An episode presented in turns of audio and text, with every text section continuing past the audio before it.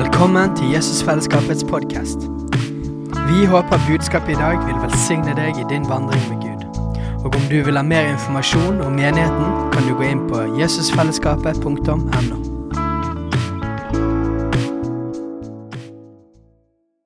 Vi tar imot og tar det med oss og ber, ber inn i det videre.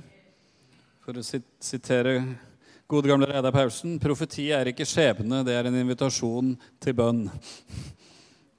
Det er et uttrykk for hva Gud vil, og så får vi være med og be og se at Guds vilje skjer.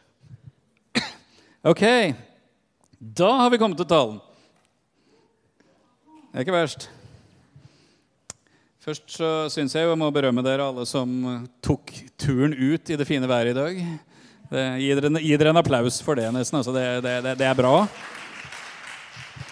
Og Det er jo litt godt da, å endelig få litt bergensvær igjen. er det ikke det da? Jeg var nesten redd for at Gud hadde flytta oss til Østlandet. sånn som været har vært i det siste. Så det var endelig godt at vi er tilbake til normalen. Nei da, jeg er veldig glad i snø, så Men, men. Sånn er det. Vi skal fortsette den serien Steinar begynte på for to søndager siden. eh, I taler som heter 'Den seirende Kristus'. Det har Steinar talt over et par ganger på en veldig god måte. Anbefaler de talene. Eh, Det er faktisk en veldig sentral tanke både i Det nye testamentet og i kristen tankegang, det at Jesus er seierherren. Det fins en gammel kristen bekjennelse som bare er to ord, og som kan høres ut som to navn. Og det er Kristus Viktor. Og da kan du tenke jaha, heter Jesus Viktor? Eh, Men Viktor er det samme som på engelsk man har ordet 'victory' fra. Og 'the victor' på engelsk betyr seierherren. Så det er en av de gamle kristne bekjennelsene. Kristus er seierherren. Så det er verdt å ta med seg. Eh, Jeg vil fokusere i dag på én helt konkret side av det at Jesus er seierherre. Eh, Hvorfor det er sånn, og hva det betyr for oss. Så det kommer i litt sånn rekkefølge. Hva det betyr, hvorfor det er sånn. Ikke sant? Altså, nei. Den konkrete sida, hvorfor det er sånn, og hva det betyr for oss. Sånn var det, ja. Ok, og Da skal vi begynne ganske langt bak i Bibelen. Johannes' åpenbaring. Den vi alltid preker fra, ikke sant? Ja. Det skal være litt Johannes' åpenbaring i dag, så da håper jeg flere enn Jørgen blir begeistra. Åpenbaringen kapittel 5 skal vi begynne i. Skal faktisk se på hele kapittelet. Men slapp av, det er bare 14 vers. Eh, Johannes' åpenbaring får Johannes se inn i den himmelske verden. Han får se inn i det som skal skje videre. Dette er altså et syn, derfor kalles det en åpenbaring. Eh, En åpenbaring betyr noe som har vært skjult f.eks. under et dekke, og så blir dekket tatt bort. Da åpenbares det. Så dette er altså et syn inn i det som skal skje, og inn i det som foregår i himmelen. Hvis du lurer på hva som skjer i himmelen, så kan du ta deg en tur til Johannes' åpenbaring. Noen tenker jo f.eks. har jeg sagt mange ganger det er voldsomt mye lovsang og sånn de har i denne menigheten. her, da Skal de holde på så lenge? Altså, så svaret er hvis du ser i Johannes' åpenbaring og går inn i hva som skjer i himmelen, så kommer vi til å holde på veldig mye lenger. For eksempel. Eh, Men når vi kommer til kapittel 5, så går vi rett inn i historien her. Fra vers 1. Og jeg så at han som satt på tronen, det er altså Gud, hadde en bokrull i sin høyre hånd. Det var skrevet både inni den og utenpå, og den var forseglet med sju seil. Og jeg så en mektig engel som ropte med høy røst, Hvem er verdig til å åpne boken og bryte seilene på den? Og det var ingen i himmelen eller på jorden eller under jorden som kunne åpne boken eller se i den. Da gråt jeg sårt fordi ingen var funnet verdig til å åpne boken eller se i den. Det er litt kjedelig. Gud har en bokrull. Ingen er verdig til å se i den. Det er faktisk så kjedelig, eller så kjipt, for å bruke et moderne uttrykk, at Johannes gråter sårt. Men så står det i vers 5.: Men en av de eldste sier til meg, gråt ikke. Se, løven av Judas stamme, Davids rotskudd, har seiret. Han kan åpne boken og de sju seil på den. Så det fins altså en som er verdig. Løven av Judas stamme, Davids rotskudd. Det fins altså en som kom fra Judas stamme, fra Davids slekt. Jeg går for at vi skjønner hvem det er snakk om. Men når engelen sier det til Johannes Hvis noen hadde sagt til deg Slapp av, se her, det fins en løve. Når du da ser for å finne den løven, hva forventer du å se når englene har sagt at det fins en løve? En løve? Ja. Oh, oi. Det er dyp og avansert vitenskap. Og så står det da videre i vers 6.: Og se, og jeg så midt mellom tronen og de fire livsvesener og de eldste sto det et lam like som det hadde vært slaktet. Det hadde sju horn og sju øyne. Det er de sju Guds ånder som er sendt utover hele jorden. Han ser for å se en løve, og han ser et lam. Der har du de to sidene av Jesus i ett. Løven og lammet. Lammet som ble slaktet, er også løven av Juda. Åssen det lammet egentlig ser ut, kan du lure på. Altså, jeg har ikke sett et lam med syv horn og syv øyne, men ok. Johannes så det. Og så står det videre ja, først, Det er jo ikke bare et lam, det er et lam som ble slaktet.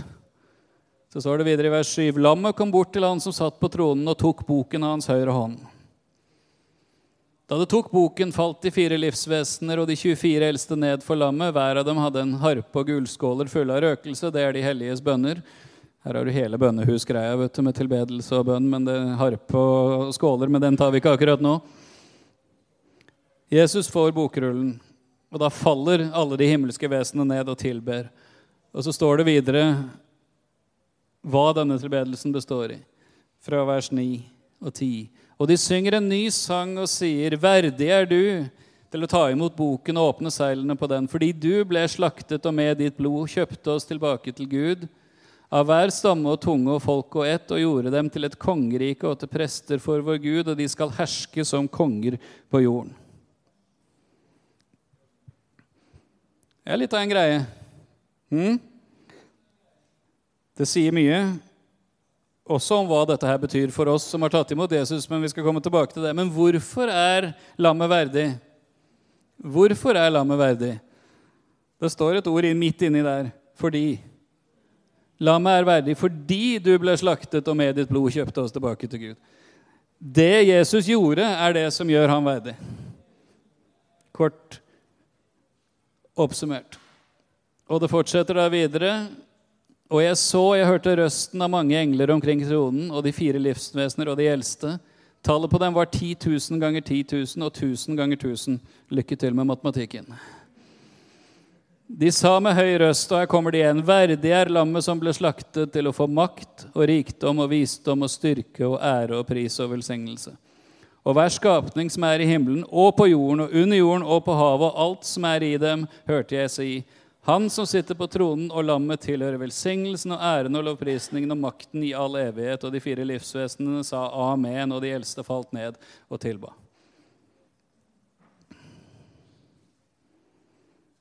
Fantastisk tilbedelse.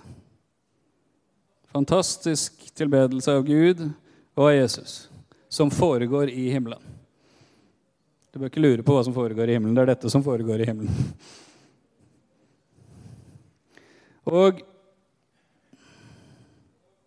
vi har veldig lett for i forkynnelse når vi fokuserer på Jesus, å se på Jesus i evangeliene. Og det er 100 sant. Altså, Matteus, Markus, Lukas, Johannes beskriver Jesus, hvem han er, hva han gjorde, hva han sa. Hans død på korset, hans oppstandelse. Det er sentralt kristent Samtidig så er det noe med at det var Jesus når han gikk her nede på jord. Men det er ikke der Jesus er i dag, og det er faktisk ikke sånn han er i dag. Ikke i betydningen at han har forandra personlighet. Han er alt det han var på jord, men han er så uendelig mye mer der han er i dag. Han er så uendelig mye mer at det er nesten sjokkerende. Ikke bare nesten. Det er faktisk veldig sjokkerende. Um, jeg vet ikke Har du noen gang bedt Gud har sagt, og Gud, åpenbar Jesus for meg. La meg få se Jesus. Har du bedt, har du bedt det? Hvis ikke, så er det, er det en anbefaling. altså Be den bønnen. Fordi Den hellige ånd er bl.a. sendt for å herliggjøre Jesus iblant oss. Så, så det er en bønn som Gud ønsker å svare på. Men da har vi så lett for å tenke at vi får se Jesus som han er der han rusler rundt i Galilea og klapper på lammene og metter de 5000 og barn på armen og sånn. Det er jo sånn vi tenker Jesus er. Er det ikke det, da? Veldig ofte, i hvert fall. Men hvis vi går til Johannes' åpenbaring kapittel 1, så får vi se hvordan Jesus er i dag. Dette er altså da Johannes, apostelen, den av de tolv disiplene som sto Jesus nærmest, som omtales i Johannes evangelium som den Jesus elsket. Ikke at ikke han var glad i de andre, men et veldig nært forhold. Han lente seg inntil brystet på Jesus under nattverden. Det var han som, når ingen andre turte å spørre hvem som skulle forråde han, så hinter Peter til Johannes. ikke sant? Pst, pst. Spør han du. Ikke sant? Du kjenner han best. Spør han du. Ikke sant? Pst, kom igjen. Det, denne Johannes leser vi om her ifra vers 9. Jeg, Johannes, som er deres bror og har del med dere i trengselen og rike og tålmodige Jesus, jeg var på den, på den øya som kalles Patmos for Guds ord og Jesu vitnesbyrds skyld. Han var altså tatt til fange av de romerske myndighetene. Han var landsforvist fra Efesus, der han bodde på denne tiden. For det skjedde jo veldig mye tegn og under rundt han, og de prøvde å ta livet av han og greide det ikke. Så da tenkte de det er best å få han unna. Og Patmos er ikke noen sydenferie. Det er en stein ute i vannet. Det er så vidt du kan gå i land. Så Av alle de øyene i Tyrkia og Hellas du kunne tenke deg å reise på ferie, så er Patmos ikke den. for å si det sånn. Eh, så det er skikkelig forvisning. Så står det der i vers 10.: Jeg var bortrykket i ånden på Herrens dag. Han får altså et møte med Den hellige ånd. Og jeg hørte bak meg en veldig røst liksom av en basun, som sa:" Det du ser, skriv det i en bok og send det til de sju menighetene. Og så kommer navnene på de. De hopper vi over elegant. Og så kommer det. Jeg vendte meg om for å se røsten som talte til meg, og da jeg vendte meg om, fikk jeg øye på sju lysestaker av gull. Og midt mellom lysestakene var det en som lignet en menneskesønn. Han var kledd i en fotsid kappe, ombundet med et gullbelte under brystet. Hans hode og hår var hvitt som hvit ull, som snø, og øynene hans som en ildslue. Føttene hans var lik skinnende kobber, som om det var glødet i en ovn, og røsten hans var som bruset av vannmasser. I sin høyre hånd hadde han sju stjerner, og av munnen hans gikk det ut et tveget, skarpt sverd, og ansiktet hans var som solen når den skinner i sin kraft. Dette er Jesus slik Jesus er nå. Det er ikke det at han har mista alt det han, vi finner i evangeliet når han vandrer her på jorden, men dette er Jesus slik han er nå. Hvis vi ber Gud om å åpenbare Jesus for oss nå, så er det noe sånt som dette her vi faktisk skal forvente å få se. Heftige greier, da. Hode og hår hvitt som hvit ull, som snø. Øyne som altså ild føtter som skinnende kobber. Røsten var som bruset av vannmasser. Det verset tenkte jeg ikke så veldig over. Den setningen tenkte jeg ikke så veldig over for første gangen jeg var ved Niagara Falls i Canada slash USA. Hvis du står og ser på den fossen der, kjenner du bulderet. Altså, du, du, dirrer enten du vil eller ikke, for det kraften av det som faller ned der, er så enormt lyden av veldige vannmasser. Det er sånn at det er ikke bare lyd, det er omtrent som å stå i et jordskjelv. Sju stjerner, da var det med sjutallet igjen. Og han, et tveget, skarpt sverd gikk ut av hans munn, og ansiktet var som solen når den skinner i sin kraft. Dette er den seirende Kristus. Dette er den Jesus vi tror på, og som vi følger. Og han er altså så enorm i sin personlighet at den samme Johannes som lente seg inntil hans bryst, og som var kanskje det mennesket som hadde den nærmeste relasjonen her på jorden Hans reaksjon når han får se Jesus i all hans herlighet, kommer da i neste vers, vers 17.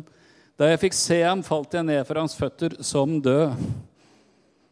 Jesus er altså så herlig og samtidig så skremmende i all sin herlighet. Men han la sin høyre hånd på meg og sa, 'Frykt ikke, jeg er den første og den siste.' Og den levende, jeg var død, og se, jeg er levende i all evighet, og jeg har nøklene til døden og dødsriket. Johannes kjente Jesus. Men når han fikk Jesus åpenbart i all sin herlighet, så ble det for mye for han. Han falt til jorden som død. Så lurer vi på hvorfor noen faller når de blir bedt for. vet du. Bare en liten parentes der, men ja. -hmm. Når vi ber For vi har jo lært oss at vi skal be, da, og Steinar var innom det. altså, ikke sant, Fra Efeserbrevet kapittel 1 fra vers 17. ikke sant, Paulus ber Jeg ber om at vår Herre Jesu Kristi Gud, Herlighetens Far, skal gi dere visdoms- og åpenbaringsånd til kunnskap om seg, så dere kan forstå hvor rik på herlighet hans arv er blant de hellige, og hvor overveldende stor hans makt er for oss som tror. Det er det her vi ber om. Vi ber om åpenbaringen av den herlighet og arven. Og, hvem, og, hva er herligheten, og hva er arven? Det er Jesus. Ikke bare som når han gikk på jord, men den han er i dag. Og hvor er den overveldende store makten for oss som tror? Jo, den er i Jesus. Så når vi ber om visdomsåpenbaring sånn til å lære Gud å kjenne, så er det den oppstandende Jesus vi ber om å lære å kjenne. Den herliggjorte Jesus. Dette er seierherren. Dette er han som vant, som var død, men er levende og lever i all evighet og har nøklene til døden og til dødsriket. Hvis du vil komme deg fra døden med livet i behold, for å si det litt dumt, så må du kjenne han som har nøklene, og som kan låse opp den døren. Uten han så er døden, døden ferdig arbeid. Med han så er døden bare en overgang til noe som er enda bedre. Den som tror på meg, skal leve om han enn dør. Ja, han skal, eller hun for den saks skyld, skal aldri i evighet dø. Hvorfor? Fordi han gikk ned. Han ga sitt liv, han døde. Han tok fra djevelen nøklene til døden og dødsriket. For det er det som gir døden makt, er synden, og Jesus betalte for all synd. Så vi tar imot han, så har vi tatt imot han som har betalt prisen for all synd. Og da får vi også nøklene til døden og dødsriket. Hvis du skal gå gjennom noe du aldri har gått gjennom før, så er det en stor fordel å følge en som har vært der før. Og Jesus er den eneste som virkelig har vært gjennom døden og kommet tilbake. Han har nøklene. Og vi kan få de av han. Og hva betyr så dette her for oss? Da går vi tilbake til åpenbaringen 5 igjen. Og vers 9 og 10.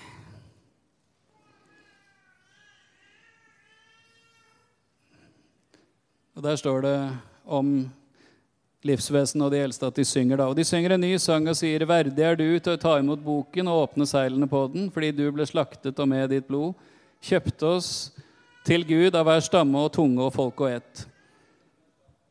Og det er vel vi en, en del av, ikke sant? Vi tilhører en eller annen stamme, og vi har et eller annet språk, og vi tilhører en slekt. ja. Og gjorde dem til et kongerike til prester for vår Gud, og de skal herske som konge på jorden. Det gjorde Jesus. Det er det hans seier betyr for oss. Hva betyr den? At vi er kjøpt tilbake til Gud, og vi er blitt gjort til et kongerike, ja, til prester. Og vi skal herske som konger på jorden. Det høres egentlig ganske bra ut, gjør ikke det? da? Jeg håper det. Så hvis du lurer på det, hvis du noensinne lurer på din identitet, så er du en del av kongefamilien. Halleluja. Kanskje ikke den jordiske kongefamilien, men den himmelske kongefamilien. Og du skal få lov, sammen med Jesus, å herske som konger på jorden. Og Dette er et sentralt punkt i kristen lære, men som jeg samtidig må få lov å si har vært mye både misforstått, oversett og til og med misbrukt. Eh, for når man bruker ord som disse konger, seier, regjere, herske, så gir det veldig lett assosiasjoner til mange ting, gjør ikke det? De fleste tingene vi assosierer til når det gjelder konge, seier, herske, regjere, er ikke de nytestamentlige beskrivelsene av disse ordene. Det er mer verdens variant. ikke sant? Da tenker vi Hei, hei, I'm the star around here. jeg er helt konge. Jeg hersker, jeg regjerer. Halleluja. Skulle nesten tro vi var tilbake på 80-90-tallet for de som var kristne på den tiden. det var mye rart der, altså.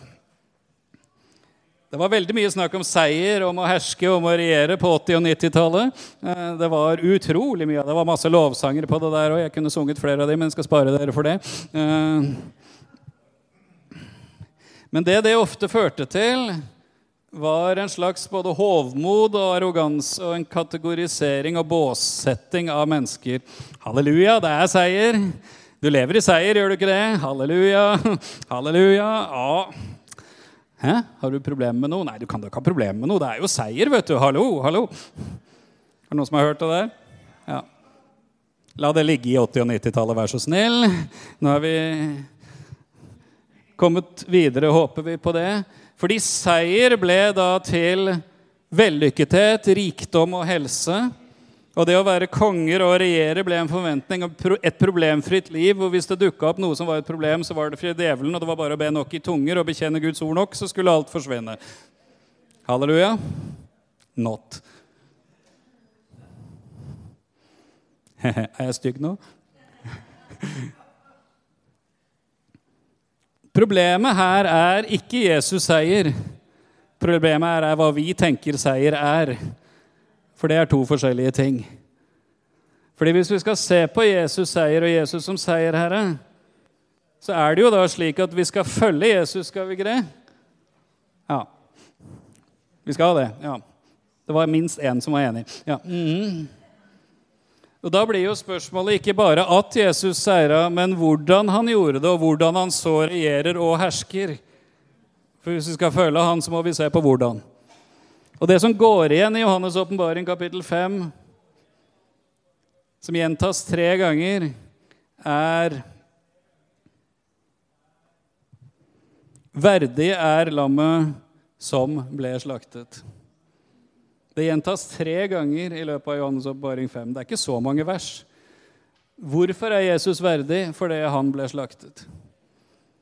Jesus er verdig fordi han gav sitt liv er Jesus verdig. Eller som det står Eller for å si det litt enkelt da, Jesus' seier er hans offer. Han var villig til å ofre seg, og gjennom det vant han seier. Det, det står, som Steinar siterte fra Kolossebrevet 2, ikke sant? han triumferte på korset. Korset ser ikke ut som en triumf, gjør det? Å henge der til spott og spe, bli, ha vært piska, dømt uskyldig, bli ledd av, gjort narr av og til slutt dø. Det ser ikke veldig seirende ut, gjør det det? nå? Nei, det gjør ikke det. Men det var på korset Jesus triumferte. Korset var Jesu triumf, bekrefta ved hans oppstandelse. Fordi han var villig til å bli ofret. Det er Jesus seier. Det er seier på Jesu måte, kan vi gjerne si. Og hvis du lurer på om dette stemmer, om ikke jeg bare sier noe som gjør deg utrygg i din 80-90-tallsteologi, så skal vi gå til Filipperne 2.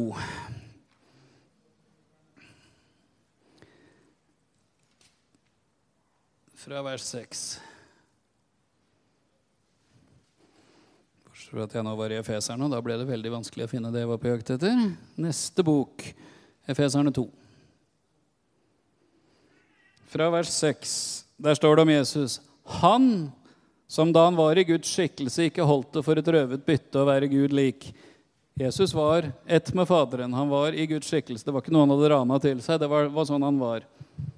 Men uttømte seg selv idet han tok en tjeners skikkelse på seg, da han kom i menneskers lignelse, og da han i sin ferd var funnet som et menneske. Han uttømte, altså han ga avkall på sin herlighet og makt.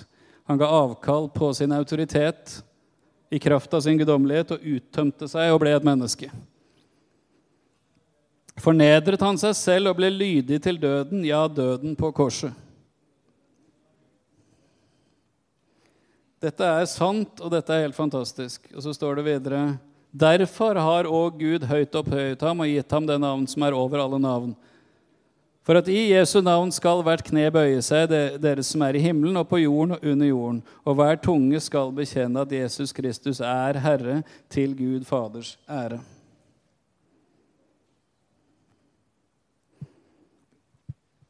Jesus er Herre. Hvert kne skal bøye seg, hver tunge skal bekjenne. Bare et spørsmål om når. Gjør du det nå, eller vil du vente til da? Og da har du ikke noe valg. Men nå har du et valg om du vil bekjenne Jesus som Herre. Men hvorfor er Jesus så høyt opphøyet? Det står et ord i vers 9 der, det første verset i vers 9. Derfor har Gud høyt opphøyet ham. Hvorfor har Gud høyt opphøyet ham? Fordi han gikk lavest ned. Fordi han ofra seg, fordi han ga avkall på sitt eget. Derfor har Gud høyt opphøyet ham. Det er ikke verdens måte å tenke seier på dette her. altså. Er, er det det? Seierherrer i moderne verden er jo helter på YouTube og TikTok og fotballspillere og you name it, liksom. Jeg er glad i en god fotballkamp, altså. for ikke å snakke om amerikansk fotball. halleluja. Men, men det, så det var ikke det som var poenget. Men dette er noe helt annet. Dette er en seier vunnet ved å gå så lavt som det er mulig å komme. For så å bli så opphøyd som det er mulig å komme. Og det kan vi være 100 enig i når det gjelder Jesus seier. Kan vi ikke det? Jeg håper det, for det er det Bibelen sier. i hvert fall. Men du skjønner, Efeserbrevet kapittel 2 begynner ikke i vers 6. Det begynner i vers 1. Så da får vi ta det òg, da. De versene som kommer foran. Er det da noen trøst i Kristus? Er det noen oppmuntring i kjærligheten? Er det noe samfunn i ånden? Finnes det noen medfølelse og barmhjertighet? står det i vers 1.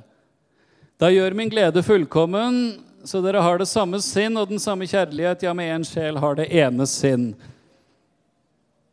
Ok, hvilket sinn? Jo, det kommer vi til. Gjør ikke noe av ærgjerrighet eller av lyst til tom ære, men akt hverandre i ydmykhet høyere enn dere selv.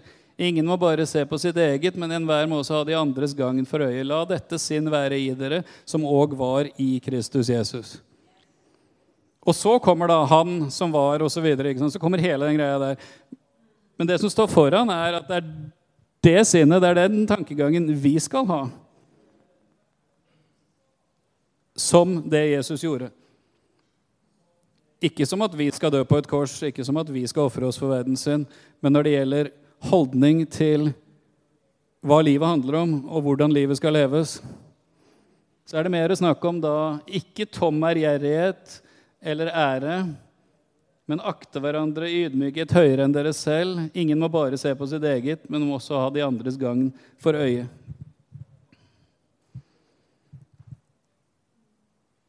Det er slik Jesus er, og det er slik Jesus regjerer. Når det er snakk om at vi skal regjere som konger i livet, så er det vår konge vi skal regjere som. Ikke som han i Oslo eller noe annet ståsted. Men slik vår konge er, er den måten vi skal regjere på. Det vil si, hvis vi skal konkurrere i noe, så er det å se hvor lavt vi kan gå. Det betyr ikke at vi skal være vaskeklut for andre og la oss overkjøre, men det, for det her er det snakk om frivillighet, ikke tvang. Og Jesus viser dette veldig tydelig i en veldig kjent historie i Markus kapittel 10.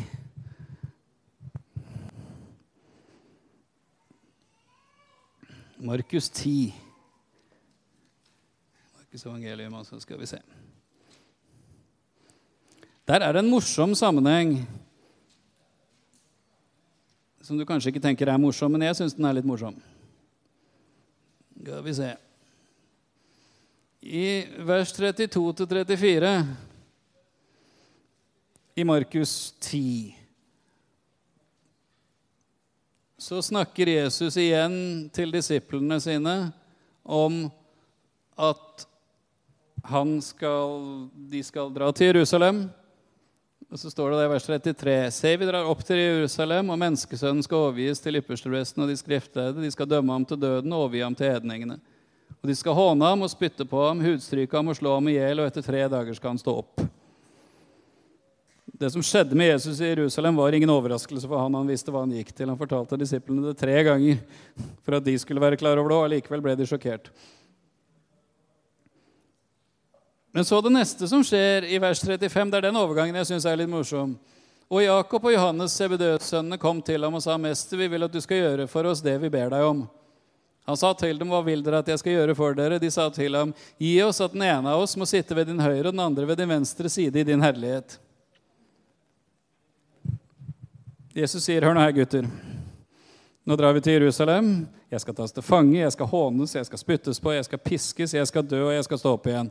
Og det neste de gutta der tenker på, er La oss få sitte på din høyre og venstre side. Det er liksom sånn, Åssen gikk du fra det, da, Jakob og Johannes, til det? Altså, det er liksom Åssen greide dere det, liksom? Altså, altså, Det de jo spør om her, er når du kommer i din herlighet, altså det vil jeg si, når du regjerer, når du har blitt konge Jesus La oss få sitte på høyre og venstre side. Uh, la én være statsminister og den andre være finansminister, eller et eller annet sånt, for å bruke moderne terminologi. ikke sant? Vers 38. Men Jesus sa til dem, dere vet ikke hva dere ber om, og det gjorde de virkelig ikke. Kan dere drikke det begeret jeg drikker, eller døpes med den dåpen jeg ble døpt med? De sa til ham, det kan vi. Men Jesus sa til dem, det begeret jeg drikker, og det skal dere få drikke, og den dåpen jeg døpes med, skal dere bli døpt med. Jeg tror ikke de skjønte hva Jesus spurte om der heller. altså. Kan dere drikke det begeret jeg skal drikke? Når Jesus er i Getsemane, så ber han far la dette begeret gå meg forbi. Altså det er altså det som venter, som han har forutsagt rett før, som er det begeret det er snakk om. Og den dåpen han snakker om der, er dåpen til døden. Ja da, vi kan det. Hører du ambisjonene? ikke sant? Vi gjør hva som helst, Jesus, bare vi får hedersplassene her. altså. Bare vi får være the main men ved siden av deg. vet du. Vi gjør hva som helst. Uh, og ja da, dere skal få det der, sa Jesus. Men så sa han også videre, men å sitte ved min høyre eller venstre side, det står ikke til meg å gi, men det gis til dem det er beredt for. Vi vet ennå ikke til dags dato hvem det er, og det tror jeg er like greit. Da de ti hørte dette, ble de harme på Jakob og Johannes. Altså Det er tolv disipler, ikke sant? og to av de da drista seg til å skulle snike i køen. ikke sant? Tror du disse ti ble sinte fordi oh, Skjønner dere ikke hva Jesus holder på med å lære oss her? Eller har dere bomma så grovt? Eller tror dere de ble sinte fordi de også hadde tenkt tanken at de gjerne ville ha den plassen? jeg, jeg, tror helst det siste, altså. Det er sånn jeg ville tenkt, i hvert fall, hvis jeg skal være helt ærlig. ikke sant? Eh, det var et Når Paulus skriver om legeme og lemmene i første kor 12, så står det jo når ett lem Lider, lider alle andre med, når et lem hedres, gleder alle seg. I mange sammenhenger så er det jo sånn at å lide med noen det er ikke noe problem. Men når noen annen blir hedra, så misunner alle andre. er jo ofte greia, hvis vi skal følge verdens tankegang på dette her. Og så sier Jesus til denne gjengen, da, full av ambisjoner og posisjonstrang, fra vers 42. Men Jesus kalte dem til seg og sa til dem:" Dere vet at de som gjelder for å være fyrster for folkene, hersker over dem, og deres stormenn bruker makt over dem. Der har du hersking, autoritet, myndighet, bruk av makt. Slik skal det ikke være blant dere, sa Jesus til disiplene. Den som vil være stor blant dere, skal være alles tjener. Og den som vil være den første blant dere, skal være alles trell, for menneskesønnen er ikke kommet for å la seg tjene, men for selv å tjene og gi sitt liv som løsepenge i mange sted. Slik skal det ikke være blant dere. Det betyr ikke at det ikke fins ledere. Det betyr ikke at det ikke fins posisjoner med autoritet. Men det det betyr, er at måten det skal utøves på, er helt annerledes enn hvordan det fungerer i verden. Og hvorfor? Fordi vi har en annen konge som har en annen måte å tenke på, har et annet verdisystem, og som bøyer seg ned for å løfte opp. Den som vil være stor iblant dere, skal være alles tjener, og den som vil være den første, skal være alles trell. Høres ikke veldig kjekt ut, gjør det det? Samtidig så er det Jesu vei til seier. Vi får leve tilhørende den seirende Kristus og regjere med ham, men ikke for å vise verden hvem vi er, men for å vise verden hvem han er. Og Den eneste måten å gjøre det på er å gjøre det i hans ånd og ut fra hans hjerte, ikke i denne verdens ånd og denne verdens måte å gjøre det på. Vi alle trenger kjærlighet, vi alle trenger oppmerksomhet, vi alle trenger anerkjennelse og bekreftelse. Det kan vi være 100 enige om, kan vi ikke det? Men du får det aldri fra hvilken posisjon du har i Guds rike. Hvis du tror det er der du skal få det, så kan du bare glemme det med en gang. Alt dette er det meninga vi skal få fra Gud og fra hverandre fordi Gud elsker oss, fordi Jesus har frelst oss, og fordi vi er hans barn og vi er en familie. Posisjoner, autoritet, myndighet har med kall og Guds nåde over menneskers liv å gjøre, ikke med spisse albuer og manøvrere seg i posisjon. Det er verdens tankegang. Og jeg må bare få lov å si det, altså. Det er forferdelig slitsomt. Som min gamle venn Rolf Auke sa en gang, jeg pleide å dra på disse lederkonkurransene, men jeg slutta med det. For det veldig mange kristne ledersamlinger er nettopp det lederkonkurranser. Hei, ja, ja, du, du, ja, ja, du kommer fra den menigheten, du, ja. ja. Og så kommer nøkkelspørsmålet. Hvor mange er dere, da? Å, er dere så mange, dere? Hm, kanskje jeg kan få komme og besøke dere og tale, siden dere er så mange, så mange kan se meg? Halleluja. Altså, Dette har jeg sagt før, og jeg skal si det igjen. Jeg slutta også å dra på sånne lederkonkurranser av den enkle grunn at jeg var sammen med Ingebjørg og Ellen og Bruce leder for en husmenighet i ganske mange år. Og det var ikke noe gøy å være på lederkonkurranser som leder for husmenighet. Fordi når da nøkkelspørsmålet kom som spørsmål nummer to Det første er du har presentert det, er 'Hvor kommer du fra?' Jo, da svarer man jo det. Og så svarer Ja, menighetleder du? Ja, den har jeg aldri hørt om. Hvor mange er dere, da? Ja, så det er begrensning hvor mange du har plass til i stua til folk, altså. Og med en gang du sa da Nei, vi er vel en 15-20 stykker, så var det liksom Å ja, skal vi se om vi finner noen andre som er interessante å snakke Altså, Dere kan le av det, dere, men jeg vet ikke hvor mange ganger jeg har opplevd det. Og hvor mange ganger jeg har da tenkt hvis jeg en eller annen gang blir leder for noe som er litt større enn en husmenighet, så skal jeg ikke behandle andre ledere på den måten. For det er verdens måte å behandle mennesker på. Det er ikke Guds rike.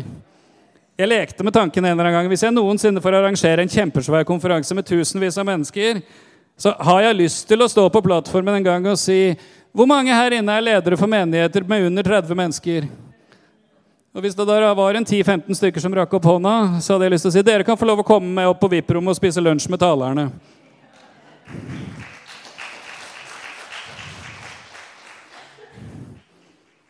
Hvorfor det? For jeg tror det faktisk ligner mer på Jesu måte enn at vi ruller ut den røde løperen når det kommer en eller annen big shot. Du må ikke misforstå. Vi skal ha konferanse. Vi har invitert talere. Vi tror mennesker har noe å komme med. altså. Men vi tror ikke at det, det, gjør at de står nærmere Gud enn deg og meg. Eller at de bestemmer over ting de ikke bestemmer over. Vi skal hedre og ære hverandre.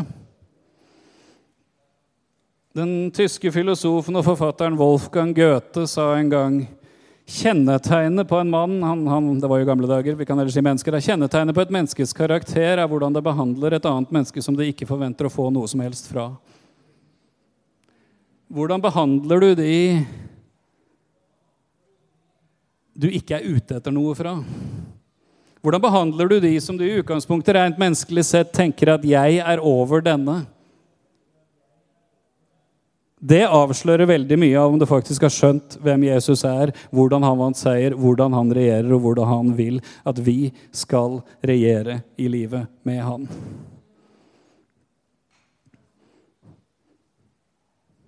Det er ikke noe galt å ønske å gjøre store ting for Gud. Det er ikke noe galt å ha ambisjoner på Guds vegne og i Guds rike, men det er galt å prøve å oppnå det på verdens måte. Eller for å si det på en annen måte ydmyk dere under Guds veldige hånd, så vil Han løfte dere opp i sin tid. Alt vi klarer å løfte oss opp til sjøl, vil falle. Alle posisjoner vi klarer å manøvrere oss inn i ved våre egne evner, krefter, albuer eller hva det måtte være, vil før eller senere slå tilbake på oss sjøl, og vi vil havne på et helt annet sted enn dit vi ønska å komme. Det er bare det Gud gir gjennom det han gjør, vi får beholde. Og selv ikke da for vår egen del, men så lenge han vil det. Det er å tilhøre den seirende Kristus. Det er å regjere sammen med han. For han er konge på en helt annen måte enn det vi er i vår tankegang. Og det er den kongen vi tilhører. Og vil vi få hans herlighet og se hans herlighet, så må vi også følge den veien han gikk ja da, ingen av oss skal dø på et kors for verdens synd, men Jesus sa faktisk noe om at den som vil følge etter meg, må ta sitt kors opp hver dag. Hva betyr det, da? Det betyr vel kanskje noe sånt som at vi må dø fra oss sjøl, fra alle disse ambisjonene. Og søke Gud for å få møte alle disse behovene. Ikke manøvrere oss i posisjon til å få dem. For det blir dårlige greier, altså. Selvfølgelig kan vi ikke gjøre noe av dette i egen kraft. Dette kan vi bare gjøre ved at Jesus virker dette fram i oss ved Den hellige ånd. Hvis ikke så blir det en konkurranse i å være mest mulig ydmyk, og det, det, funker like dårlig, det også. Men Jesus er lammet som ble slaktet, og som samtidig er løven av Juda. Han er den som er høyt opphøyet over alt og alle, og har seiret over absolutt alt, som har nøklene til døden og dødsriket. Og hvorfor? Fordi den som gikk lavest, er den som blir opphøyd høyest. Hvis du syns dette var interessant og kanskje en litt annerledes måte å tenke på, så er det tre bøker jeg vil anbefale deg. En av den gamle svensken Pelle Karlsson, som heter 'Korsets prinsipp'. En av Lauren Cunningham, lederen for Ungdom i oppdrag, som heter 'Seier på Guds måte'. Og en av vår egen kjære Bruce McKibben som sitter der nede, som heter 'Vandre hans veier', som vi selger i bokkiosken bak her, de går mye mer i dybden, alle de tre bøkene, på det jeg nå har snakka om. Da sier jeg amen og gir ordet tilbake til Sverre. Hei, alle sammen. Det er Katrine og Steinar Lofnes her. Vi er hovedledere for Jesusfellesskapet. Så kjekt du har lyttet til denne podkasten. Har du forresten hørt noen av de andre podkastene våre? Ukens tale, Disippelskolen, Hyrdepodden, Kulturkrigen og Mammas hjerte. Du finner disse podkastene på Spotify, Apple Podkaster og på nettsiden vår jesusfellesskapet.no.